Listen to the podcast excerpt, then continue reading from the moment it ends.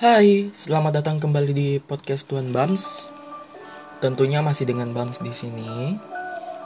Dan ini mungkin perbincangan kita yang pertama kali setelah terakhir kali kita berbincang melalui platform ini, melalui podcast itu terakhir kali di Agustus ya. Lupa tanggalnya berapa.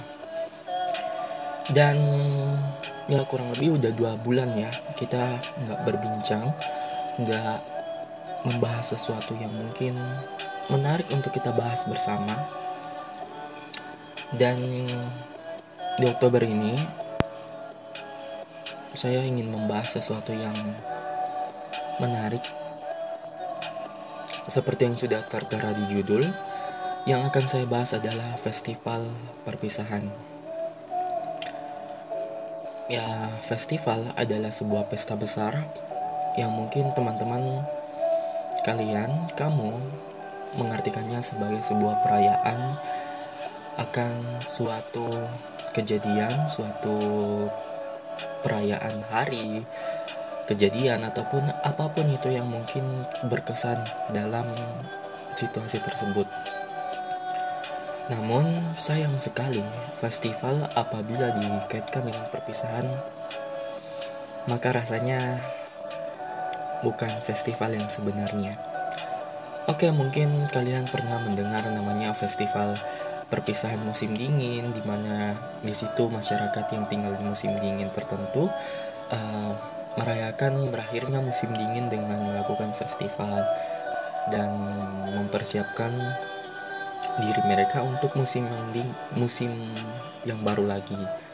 Dan mungkin ada beberapa dari kalian yang mendengar namanya festival perpisahan sekolah di mana ya mungkin yang kelas 9, kelas 12 melakukan festival ini untuk merayakan uh, persiapan mereka untuk perpisahan dengan sekolah mereka. Tapi kalau hanya festival perpisahan yang saya maksud di sini adalah festival perpisahan di mana ya kita berpisah entah dengan siapa pun itu kita berpisah. Dan saya rasa tidak ada orang yang benar-benar menyenangi yang namanya perpisahan karena seperti yang kita ketahui perpisahan kadang menyisakan kenangan yang tak mudah untuk kita lupakan.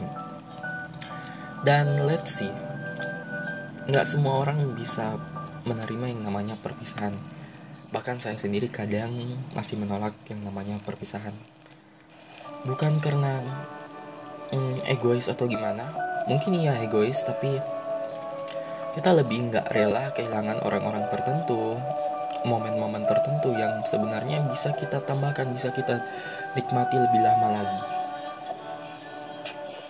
Sayangnya karena situasi yang mungkin nggak mendukung hal-hal yang mungkin di luar dari uh, apa yang bisa kita perkirakan maka terjadilah yang namanya perpisahan. Dan daripada mengartikan perpisahan secara tragis, secara melankoli, secara menyakitkan, menyedihkan, saya lebih mengartikan perpisahan sebagai sebuah perayaan. Uh, mungkin teman-teman sudah tahu yang namanya etalase rasa dan festival perpisahan kemungkinan besar akan saya abadikan seperti yang namanya etalase rasa. Ya meskipun etalase rasa belum benar-benar apa ya namanya belum benar-benar saya abadikan namun sepertinya akan ada konsekuensi yang akan saya dapat apabila saya akan merayakan festival ini. Festival perpisahan ini. Ada beberapa pilihan yang harus saya ambil dan ada beberapa penghargaan yang harus saya berikan kepada orang-orang tertentu. Dan dalam festival perpisahan, ada seseorang yang akan saya abadikan secara khusus dari bagaimana saya merayakan perkenalan dengan dia, bagaimana saya memulai perbincangan pertama kali dengan dia, bagaimana kami berkenalan, bagaimana kami berteman, kami bersahabat, kemudian sampai pada titik tertentu kami memutuskan menjalin hubungan, namun sayang di titik lainnya kami hmm, memutuskan juga untuk mengakhirinya. Uh, mungkin cerita ini agak sedikit flash ke masa lalu karena festival perpisahan yang saya maksud memang saya akan berusaha menuliskan sesuatu yang di mana saya mencoba mengikhlaskan perpisahan ini. Karena menurut saya perkenalan adalah sesuatu yang tak bisa kita rencanakan dengan baik-baik. Begitu pula dengan perpisahan. Kita nggak pernah tahu kapan harus berakhir dan kapan harus memulai.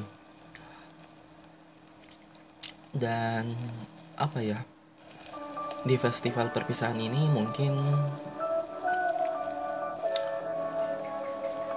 untuk siapa yang akan saya tuliskan mungkin orang yang saya kenal uh, bisa dikatakan lebih dari sepertiga usia saya.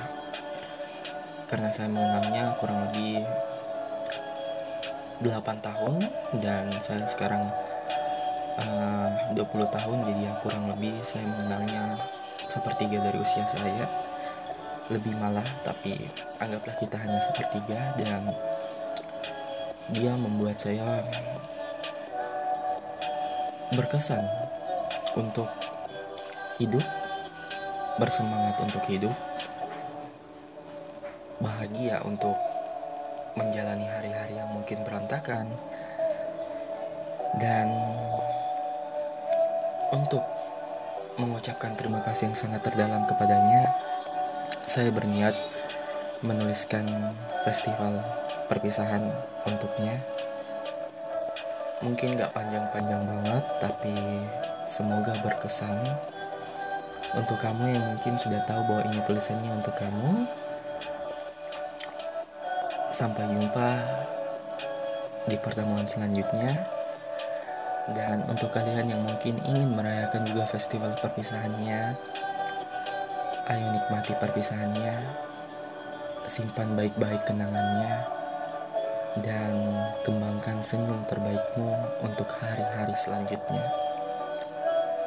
Karena kita semua berhak untuk merayakan festival perpisahan. See you.